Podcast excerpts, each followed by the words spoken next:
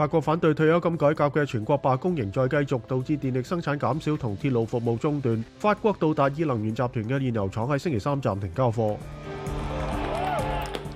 大陆加压防暴警察同反对限制新闻自由嘅示威者发生冲突后，当局拘捕咗几十人。示威原因系反对当局颁布法律。运送三名生还者接受治疗嘅船只抵达印尼西加里曼丹省。立土立摄影区嘅山泥倾泻造成最少十一人死亡，几十人失踪。秘鲁总统博卢阿尔特出席指控警方对抗议者嘅种族灭绝、谋杀同伤害嘅初步调查，抗议者要求佢辞职，并且解散国会。